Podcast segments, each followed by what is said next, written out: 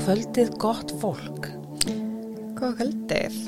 Ég heiti Brynildur og er an annar hlutin af náttröfnum. Og ég heiti Elisabeth. Erum við náttrefnur kannski? Um, Nei, er það ekki kvalir? jú, við erum ekki kvalir. Uh, Kanski. já, það- er bara smekksatrið hvað fólki Smekks- finnst. já. Hmm. En við ætlum að hérna spjalla mjög skemmtilegt fyrirbæri, eða sem ég er fyrst mjög áhugavert, ég veit ekki með ykkur, en í kvöld ætlum við að ræða um fyrralífs upplifanir, eða fyrralífs upplifun, Ú, já, ég er spennt. og hérna, ég bara kafaði hérna niður í, í mjög skemmtilegt dæmi. Mm. Og eina stóru spurningunum í lífinu er hvað gerist eftir að við deyjum? Þetta er spurning sem margir hafa rannsakað en enn höfum við ekkert svar við henni. Við reynilega vitum ekki hvað tekur við þó fólk sé tilbúið að fullir það að ímist ekkert taki við eftir döiðan eða þá að það sé líf eftir þetta líf. Þetta er spurning sem við fáum eflust aldrei svar við. En hvað heldur þú, Ella? Hvað gerist þetta döðan? Já, Þetta er mjögulega stærsta spurning lífsins. já, Ég bara veit það ekki. nei, ég er ég, alveg eins. ég, ég, ég held að sem, já, ég útilöka ekki neitt. Nei, mér, Um, finnst mjög dapurt að hugsa til þess að það sé ekki neitt. já, en ég trú alveg að það er einhver orka. Já, Ég held að það sé einhver orka og ég trúi því. Já. En ég held að sé ekkert alltaf þannig og ég held líka að sé stundum bara ekki neitt og Já. það er líka bara alltaf læg. já. Algjörlega, menna, eins og eins og segir, þetta er bara mjög stór spurning sem að ég treysti mér ekki til þess að, að fullir það hvorki af niður á Mm -hmm. og, og það eru örgulega þess að hlusta á okkur með mjög skipta skoðanir á þessu. Mhm. Og þess maðurinn minn, hann er alveg bara, það er bara ekkert. Já, maður minn líka. Já, Bara null og nix. En ég er ekki þannig. En, en, en það ég hef alveg upplifað alls konar og, og í kringum mig og í fjölskyldinu minni og ég, veist, ég get ekkert útiluka það og ég ætla heldur ekkert eitthvað að loka á allt. nei. Mér finnst það líka óvísindalegt. Já, nákvæmlega. Mér finnst bara gott að vera með opin huga og, og velta þessu svolítið fyrir sér. opin huga og opin hjarta og bara það, það sem er er bara og, og það er ekkert sem ég get uh, gert við því mm og allar síst ætla ég að vera með eitthvað stór orð um hvað er og hvað er ekki Mhm. um, en það hafa dúkkað upp reglulega börn hér og þar um heiminn sem halda því fram að þau muni eftir fyrir lífum sínum og minningar þeirra frá fyrir lífum reynast réttar þegar leitað er upp í sannanir Ég ætla að segja ykkur sögu í þessum þætti af stúlku sem bara nafnið Shanti Devi og fættist á Indlandi árið 1926. Hún bjóði við minningum frá fyrra lífi sem voru það nákvæmar að eina skýringin á því að hún byggi yfir þessari vitnesku gæti hreinlega verið það að hún hafði lifað áður. Sagan hefst eins og áður segir árið 1926 þegar Shanti Devi fæðist í Delhi á Indlandi. Fyrstu ár æfinar er Shanti eins og hvert annað barn fyrir utan þá staðrænt að hún talar ekkert, segir hreinlega ekki orð. Þetta verður til þess að foreldra hennar láta það hvarlaði sér að hún sem mállaus. En þegar Shanti verður fjögur ára byrjar hún loks að tala sem var mikill léttir fyrir þá sem voru henni nánastir. Frá því hún byrjar að tala þá talar hún fullkomi mál og mjög fullorðislegt. Ekki svo barn sem er að fóta sig í heimi málnótkunnar. Ekki nóg með það, heldur talar hún endalaust um eiginmann sinn. Strax þarna er eins og hún sé sannfærðum að vera gift, barnsafandi kona og telur sér búa í allt annari borg en hún býr í. hvað sér, hvað er hún gömul hana? Uh, hún er, saði ekki fjögur ára? Já, hún er svona lítið kettling. Já. Æ, Já, oh my god. bara gift, ólétt og bara byggt á allt annars þar. Fjölskyldan hennar heldur í fyrstu og hún segja grínast og hlæja bara að þessu. Það gerði Sjanti mjög reyða og sagði um þeim að þetta væri ekki hennar rétta líf og þau væru ekki hennar raunverulega fjölskylda. Hún segist í raun lifa allt öðru lífi og hún þrái að komast tilbaka til fjölskylduna sinnar. Þegar hún lokaði augunum sagðist hún sjá sig sem fullorna konu. Hún sagði þeim líka að það hefði verið eins og hún hafi farið að sofa eitt kvöldið en hefði svo vaknað upp í líkama ókunnugs barns. Frekar óhugulegt. Já, menn spáðu bara í því að þú myndir bara vakna morgun bara, já, ég velti þessu svo rosalega mikið fyrir mig þegar bann og úlingur. já, Þú veist, þegar maður dæja þá er maður bara einhver allt annar Já. eða jafnvel myndi, þú veist, fæðast sem lirfa eða eitthvað allt annað, bara svona eins og í búttatrú. já, já, ég var alveg mjög mikið, Akkur er ég manneskja, akkur er ég ekki veist, akkur er ég ekki fiskur, akkur er ég ekki síli já, eða maur sem einhver stígur á, eða eitthvað, þú veist. já, já, með heilanum á tímabili að maður gæti ekki endur fast sem dýr, Mm. að mér fannst það eitthvað svo óþægild að hugsa til þess ef ég var bara föstin í líkama Dýrs. dýrs, já, þau dýr eru svo kúið já, nákvæmlega, af mannfólk. já, mjög góða punktur. Hm. En þar sem hún var svo ung, taka fóreldra hennar hann ekki mjög alvarlega. Þau töldu þetta að vera skeið sem tæki enda fyrr en síðar. En það var þó eitt sem fekk þau til að vera hugsi. Sjanti fullirti að hennar raunverulega líf var í borg sem er kölluð Möttra. En svo borg var til og var í 145 km fjalla frá Delhi. Engin í fjölskyldunni hafði komið ángað og hvað þá að tala hefði verið um þennan stað við Sjanti litlu. Það var útilokað að Sjanti hefði heyrt talað um þennan stað sér í lagi vegna þess að aðeins íbúar borgarinnar töluðu um hana sem möttra. Raunverulegt nafn borgarinnar var Matura. Þannig ef einhver í kringu Sjanti hefði talað um þessa borg hefði sá framburðu verið notaður. Hmm. Eftir því sem tími líður fyrir Sjanti að muna enn fleiri smáatriði úr þessu lífi sem hún segist hafa lifað. Hún list, lísti húsinu sín í möttra, sagði það vera gullt á litin og það var í brunnur á lóðinni. Hún sagði fjölskyldunni sinni frá hofi sem var nálátt heimilinu sem hún hafði heimsótt daglega til að byggja til kristna. Hún talaði um að maðurinn hennar stundaði viðskipti var í farsall í starfi og hafði efna á að reka nokkur heimili ef hann vildi. Minn þannig er hún eitthvað sexar eða eitthvað. Hún lísti fæðingablett á kynnin á honum og sagði frá því að hann þyrfti að notast við lestraglerugu. Sjanti hafði áður talað um að hún var í barnshafandi í því lífi sem hún fullirti að væri hennar raunverulega líf. En setna meir myndi hún eftir því að hún hafði reyndar fætt barnið sem reyndist vera sonur. Hún neitaði að borða kjöt og sagðist aldrei hafa borðað kjöt í hinnu lífinu eða borið það fram fyrir eiginmann sinn því möttra borðaði engin kjöt. Hún sagði fóröldur sínum að þau var að borga of mikið fyrir efnið sem við keftu flíkur því þetta væri ekki raunverulegt silki. Að hún hefði gengið mjög fínum og dýrum fötum í sinu fyrra lífi þar sem maðurinn hennar hefði meðal annars selt fött. Hún hefði því vanalega gengið í ekta silki og með mjög stórar og sterkar skoðanir. Hmm. Sjanti notaði líka slangur í orðaforða sínum sem var aðeins notað í möttra. Hún sagðist mér þess að muna hvað hún héti þessu fyrra lífi sinu. Hún hefði ekki heitið Sjanti Devi, heldur Lukti Devi. Á þessum tímapunkti sagðist hún vilja fara aftur heim til möttra. Fóreldrum hennar stóð ekki alveg á sama því þau voru hægt að geta litið á þetta sem auðugt ímyndunar af dóttu þeirra. Slangrið sem hún notaði gæti hún ekki hafa fundið upp og hvernig í ósköpunum hefði hún átt að vita að sá Guð sem var helst tilbyðin í möttra var einmitt kristna. Þegar Sjanti Devi var orðin sex ára gæti hún líst til hvernig hún dó. Hún sagði það hafa gest stutt eftir hún fætti són sinn en hún hefði þurft að fara í nokkra floknar aðgerðir eftir það sem dró hana til dauða. Fóreldra hennar fóru með hann til læknis sem fann ekki neitt að henni andlega eins og þau höfðu mest óttast. Mm. Læknir var aftur á móti orðlaus yfir því hver mikla vitnesku þetta sexara barn hafði á þeim aðgerðum sem hún saðist hafa farið í í kjölfar fæðinga sonaris. Hérna.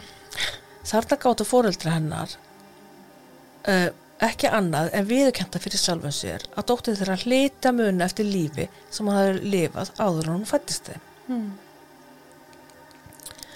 Fjölskylda Sjanti Devi voru hindúatrúar og eitt af líkil atriðum þeirra trúar er emitt endurholdgun.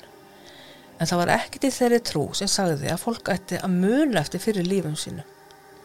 Það var talið mjög sjaldgeft og í raun óheitla merki ef fólk gerði það. þá var talið að fólk myndi þjást í núverandi lífi og jafnvel deyja ungt. Það er svona vildu fóreldrar hennar alls ekki tala um þetta út af við svo það kemist ekki upp svo kvittur að dóttir þeirra myndi eftir sínu fyrra lífi.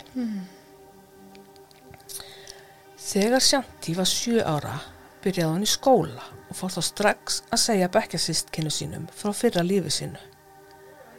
Þetta verði til þess að henni var stríkt mikið meðal krakkana og trúði kennarinn hennar og skólastjórin ekki því sem hún sagði. Þau töldi hann að ljúa þessu öllu. En með tímanum fannst kennarannum Sjanti vera of samkvæm sjálfur sér og hverki kvika með sögur sínar. Gat eitthvað verið til í þessu? Það var því til þess að kennarin og skólastjórin fóru heim til hennar og fengur leifi fóreldra Sjanti til að spyrja hana nánar út í þessar minningar. Mm.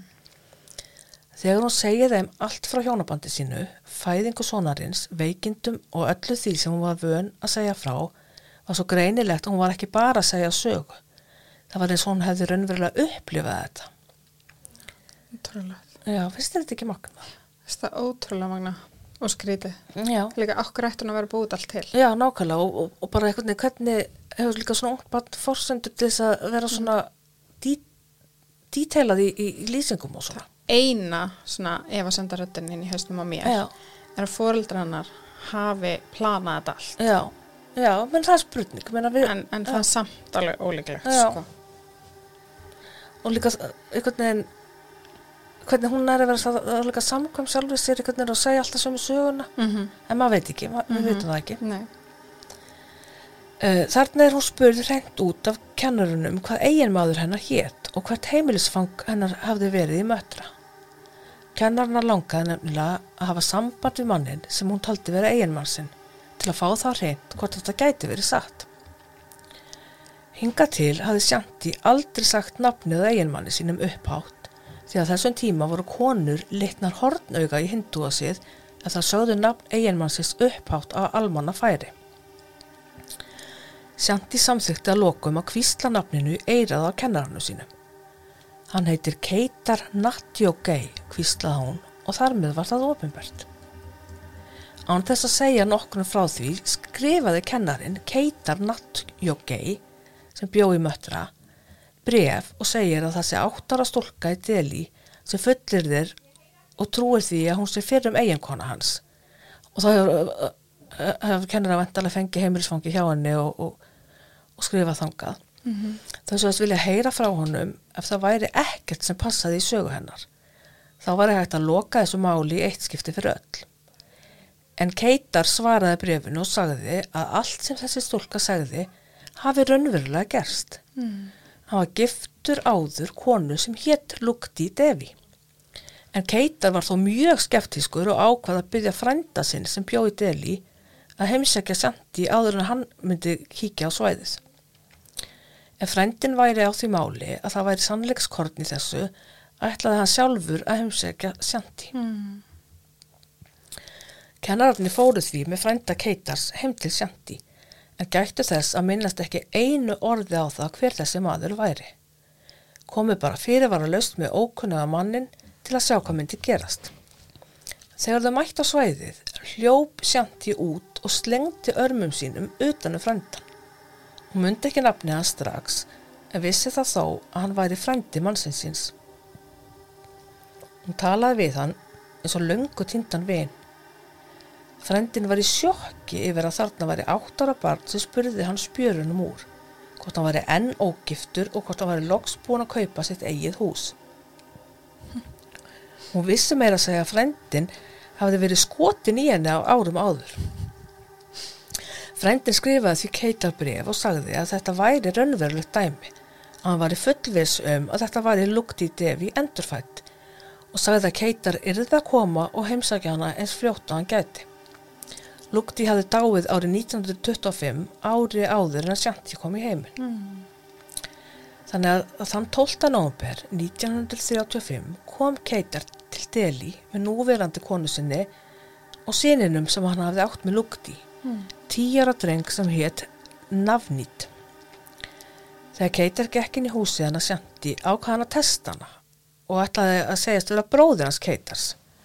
Hann kynnti sig sem Ron fyrir fóröldu Sjanti og sagðist vera bróði Keitars en um leið og Sjanti sá hann viss hún strax að þarna var Keitar eiginmaður hennar á ferð. Sónur hans Keitars var með honum og þekkti Sjanti hann líka strax. Hún hendist hágrandað upp um hálsin á honum og faðmaði hann fast og innilega. Keitar var enn efins þarna en eftir að þau fóru að tala saman rann efinn alltaf meira og meira af honum. Sjanti var nefnilega með fullt af smáatriðum á hreinu sem enginn vissi nema Keitar og Lugti. Hún vissi til dæmis að Lugti hafi tekið það lofórð af Keitar á dánabiði sínu að hann myndi aldrei giftast aftur. Lofórð sem hann augljóslega hafi brotið. Hún vissi við hvaða aðstæðu sonu þeirra hefði komið undir og sagði honum að þegar hún var ólétt hefði hún orðið vitna því að Keitar helt fram hjá henni. Keitar varð orðurlaus eftir samtal þeirra og fór tilbaka til möttra sannfarður um að sál látinar fyrrum eiginkonu hans byggi innra með þessari ungu stólku. Eftir þetta fór sagan um Sjanti Devi á flugum Indland sem er ju mjög stort land. Hún barst til Mahatma Gandhi, uh, já hún barst sérst Mahatma Gandhi meira segja til erðna og Gandhi hvati fóreldra Sjanti til að senda hana til möttra með fólki sem er þess óháð vitni. Einhvern sem tengdust hvorki fjölskyldu í að keitas mm. þannig var hægt að fá það að reynd hvað var raunverulega í gangi. Ástæðan fyrir því að hann taldi að það væri best að hún færi til möttra var vegna þess að þar var svo margt að því sem sjanti hafi líst í minningu sínum eins og húsi sem hún bjó í og hofið sem hún fór í daglega. Fóreldra sjanti voru á þeim stað að þau virkilega vildu fá það að reynd hvað væri í gangi, svo þau samþyktu ferðina til möttra. Fjölskyldan lagði að stað þann 24. nógubur 1935 sem er bara 12 dugum eftir að Keitar kom til deli. Mm. Þannig að fiskisagan hefur flóið ansir hætt um Indland. Með í fyrir voru bladamenn og fræðimenn sem ætluði að kortleggja það sem myndi gerast í möttra. Þetta fólk mátti ekki tala við sjanti á nokkund hátt eða spyrja hana leiðandi spurninga, bara fylgjast með því sem myndi eiga sér stað. Hópurinn var varta stíin út úr lestinni þegar undrin byrjuði að eiga sér stað. Á lestarpallinum var statu maður sem Sjanti taldi sér þekkja og sagði hann vera má, má hans keitas og vissulega hafði hún að rétta á standa. Því næst fór hún með alla kjörðina inn í bæin og leti hópin að gamla húsinu sem hún bjó í sem lukti. Hún þurfti enga leiðbynninga til að komast þangað, eldur myndi hvaða leið hún ætti að fara til að finna húsið. Sjanti hafði alltaf talað um húsið væri gullt, en þegar þau komið þangað var húsið kvítt á litin.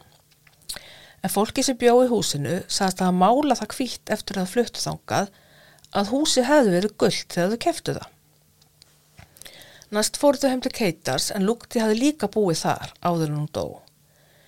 Sjanti var mjög ringlu þarna því hún sá hverki brunnin í gardinu svo hún hafi munað svo vel eftir. Keitar fer þá með hana að steini sem hann liftir upp og bingo, það er brunnurinn. Sjanti þekkti fötinn sín og skartgripina aftur. Hún myndi líka eftir að hafa fali pening á ákveðnu stað í helberginu. Keitar staðfesti það að hann hafði fundi pening nákvæmlega þar sem Sjanti talaði um að hafa falið hann. Já, hér. Já, þetta verður bara allt ótrúlega og ótrúlega. Mm -hmm. Eftir hún hafði heimsótt setnahúsið var farið að stað að skoða hofið þar sem hún hafði tilbyrðið kristna daglega. Þar fyrir utan var hópu fólk sem hafði hert að ferðum Sjanti til mötra. Eftir að Sjanti skoðaði hofið ávörpuðu óháðu matsmennir fjöldan sem var fyrir utan og þau fullirtu að þessi unga stúlka, Sjanti Devi, geti ekki verið neitt annað en Lukti Devi endurfætt með að við alla það sannanir sem, sem þau höfðu fengið þennan dag. Mm. Sjanti talaði því næst frammi fyrir hópnum og sagðist hafa verið mjög ánægð í lífið sínu sem Lukti en núna langaði hann að fara aftur til Deli og fá að lifa sem Sjanti Devi. Þetta mál vakti mikla aðtikla Índlandi og margar skeptiska rattir voru lofti. Sjanti var færð síðar aftur til möttra og meðal annars dálett. Þeir sem voru hvað skeptiskastir hengdu sér það að nákvæmlega allt sem Shanti hafði sagt stóðst ekki endilega, þó að meðlutin hafði, hafði gert það. Eins var gaggrínt að mats Nei, eins var gaggrínt að ekki var hægt að staðfesta nokkuð tátt það sem gerðist áður en óháðu matsaðalunir voru miðið för. Mm. Hvort það var í satt sem sagt væri frá um það allt saman. Sumi vildu meina að Keitar og fjölskyldan hans hefðu jafnvel leitt sjanti áfram og fóðurlaði hann á upplýsingum beint eða óbeint. En það sem er hægt að staðfesta að hafi verið sagt og gert er, er þó það sterkar sannanir að ekki hefur enn verið hægt að reka þetta og stempla sem bull og þvaður. Svíkin Sture Lönnerstrand, ó já, já, var bladamaður sem ferðaðist til Indlands með það eitt í huga að sanna að hér varu brögð í tabli. mm. Alltaf svo skeftiskir þessi svíjar. Hmm. jú, segðu. En eftir að hafa talað við Sjanti var hann sjálfur svo sannfarður um að Sjanti var að lýsa fyrir lífi sínu. Hann endaði meira að segja því að skrifa söguna hennar um þetta mál. Sjanti myndi ekki bara eftir fyrir lífi sínu sem lúkti, hún myndi líka eftir því að hafa dáið sem lúkti og myndi eftir fæðingunni sinni sem Sjanti. Þegar lúkti vissi að hún var að fara að deyja, bað hún að fullu til kristna. Bað og bað og var hennar sterkasta bæn að fá að koma aftur. Hún myndi meira að segja eftir að hafa haldið áfram að byggja eftir að lúkti misti meðvitund. Hún myndi eftir að hafa fundið skyndilega mikinn kuld að hellast yfir sig, hafa heyrt að hjartað hægt að slá og hún væri hægt að anda. Þarna saðist hún þá enn hafa verið meðvituð um hvað var í gangi. Hún gætt séð fólk koma inn í sjúkrastofuna og hágráta yfir líkama hennar. Skyndilega hafði sálin hennar farið út úr líkamanum í gegnum göng fyrir ofan höfuðið og hún var allt innu komin í rými sem var uppfyllt af silfruðu ljósi. Hún sagði að annað fólk líka hafa verið í þessu rými og hafi það geta verið bæði inn í henni og fyrir utan hana á sama tíma. Vá, skrýði. Já, ég veit þetta hljóma brjálaslega en sérst, ég bara lýsa því sem að Sjanti sagðist hafa upplifað. Mm Hún sagði að þær sálir sem voru í þessu silfraða rými voru allar í byðstöðu. Mm. Að býða eftir að vera gefið skipanir hvort það heldur áfram eitthvað annað eða fengu að fara tilbaka. Lúkti var hörð á því að vilja fara tilbaka til að hitta eiginmann sinn og svon. Áður en hún vissi af var hún stödd í algjöru myrkri og stödd í þröng og óþælu rými með litlu plássi og sagði hún að þar hafi verið ræðileg lykt. Hún var stödd inn í leigi en allan tíman sem hún var í leiginu sagðist hún að hafa hugsað um gamla lífi sitt. Uh, eins og segi það er engan hátt hægt að staðfesta hvort að þetta sé rétt, hvort hún muni eftir að hafa verið inn í móðulífi annara mannesku og, og hvort hún hafi munið eftir fyrir lífi. Það er bara ekki hægt að staðfesta það. Nei, það er svolítið spes. En við vitum að Shanti Devi gifti sig aldrei og dó aðeins 61 árs á aldri árið 1987. Þannig líkur sögunum stúlkuna sem taldi sig mun eftir að hafa lifað áður. Þetta er alveg ótrúlega mögnu sag. Já, Já, skrýði. já, veist það mjög, mjög skrít. Ég er mynd búin að heyra nokkar sögur, ég held að hafa tekið þetta fyrir í. Já. Eitthvað nokkur svona dæma af börnum sem að bara kunnu önnu tungumál allt í einu og sögðist vera einhver annar en þau voru. Já, vá. Þetta er alveg bara rosalega skrýði. Já. Eitthvað svona fyrir að lífstæmi. ég man eftir að hafa hort á þátt bara þegar ég var bann. Ég var Mhm. svona tíjar og það horfði ég á, á þátt þess að var tekið viðtal við fjóra aðila sem að uh, voru dálettir og, og, og sagði sögur bara frá bara lífi sem þau hafðu lifað áður Mhm. og svo að farið á staðin og, og fundið ímislegt sem að hafi verið líst í dáleiðslunni sem var ekkert sýnilegt og jafnvel að grafa upp eitthvað eða pússa einhverjar hérna flýsa til þess að finna minnstir sem var lístið eitthvað sem að það hefði ekki verið Vá, neitt grundvöldu fyrir að það væri. já, nákvæmlega þannig að ég alltaf er mjög heitluð á svona en Já, þetta er náttúrulega bara rosalega áhugavert Já. og furðulegt á sama tíma. já, um, svo var ekki eitthvað í tísku hérna, kannski 90 eitthvað, kannski fyrr að fara til miðil sem gætt sagt manni hver Jú. maður var í fyrralíf, mann og mamma gerði þetta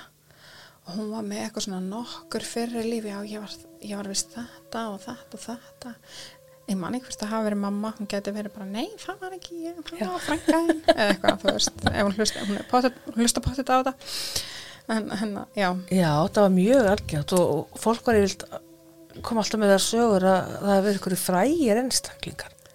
já Já, það var alltaf rosalega algengt. Þa, það gerir mig skeptisk, Já, nákvæmlega. Að öllu fólki Já, sem til er, sko, það bara, Og mann hafi verið kongafólk eða kleopatra Það bara meikar ekki sens. Fyrir utan að ef ég hef lifað áður þá myndi ég frekar að vil- vilja vera einhver óbreytt bóndadóttir heldur en einhver já, aðalskona, sko. Já, einhver, einhver ílskeitt drottning, sem lítið högva höfuð að að ma- manni og öðrum. já, eða hvað, kannski, Já, og maður veit ekki. svona. Já, en það var gaman, það var nú gaman að heyra frá hlustundum ef það hafa eitthvað krassandi fyrralífsögur. Já, og hvort að einhver hefur svona farið til einhver sem að e, fullir þér að e, Já, að viðkomandi hafi átt sér eh, hefði verið hitt og þetta í fyrra já, nákvæmlega, var mjög áhuga. og jafnvel hvort að einhver sem er einhver ákveðna hugmyndir Já. sem sitt fyrra líf En ég veit þegar var að lága yfir þessari sögu þá var, neða var önnur saga sem ég var að skoða þá var talað um að að börn muna eða veist, minni barni er bara öðruvísi fram að þryggja fjórar aldri og þá einhvern veginn er svo lokist meira fyrir svona minningar mm. og ég mani mitt eftir því að bróði minn, þegar yngri bróði minn var lítill, þá fullist hann alltaf að hann ætti kokkahúfu sem hann hafði skilið eftir sérst áður hann kom inn í þetta líf. Bara orðið þetta bara batalegri hátt. Vá, einskriði alltaf að tala um þessa kokkahúfu. Og hann var bara reyður þú veist, þegar við sýstum gerum grína á hann bara hvað þetta alveg ógislega fyndi þegar að tveggjara batna var alveg alltalandi mjög snemma. Fullir þann hvort hann hafði ekki líka sest eða ballettskó og kokkahúfu. Og hann var bara mjög illur þegar við gerum grína að þessu. Þannig að ef það eru til fyrir líf kannski var þá bróðum minn kokkur og, og ballettdansari. Ha, ég var nú til að sjá hann reyma á sig ballettskóna og skella sig kokkahúfun í dag. Mm -hmm. Kokkaballett kokkaballett, já. nýtt, lís, listform. Já, eða ballettkokkur Ballett- Dansa ballett í eldhúsum Já, heyrðu. Kannski við látum Steinu vinkonu prófa þetta Já, á, á heimabygg heimabygð fyrir vestan á Ísafyrði Þetta er bara svona þið viljið sjá hérna kokk, dansa ballett skellið eitthvað til Ísafjörðar Já. kíkið heimabygð Steina dansar Já. ballett. Já, er það ekki steina? Eh, Svo lusta steinur og glekkert á okkur veit aldrei við höfum hérna, skellt ykkur hérna, ykkur lofurð út í loft þetta er að brjálu við okkur Já, en allavega þá uh, hef ég ekkert meira um þetta stórmerkilega mála að segja í Nei, kvöld. virkilega skemmtilegt Er það ekki? Jú, við bjóðum ykkur bara góða nótt, kæru hlustundur Já, og bara svífið inn í draumaland. Já, kannski dreymir ykkur eitthvað fyrir að líf Já, aldrei að vita. Aldrei vita Bless, bless Bless.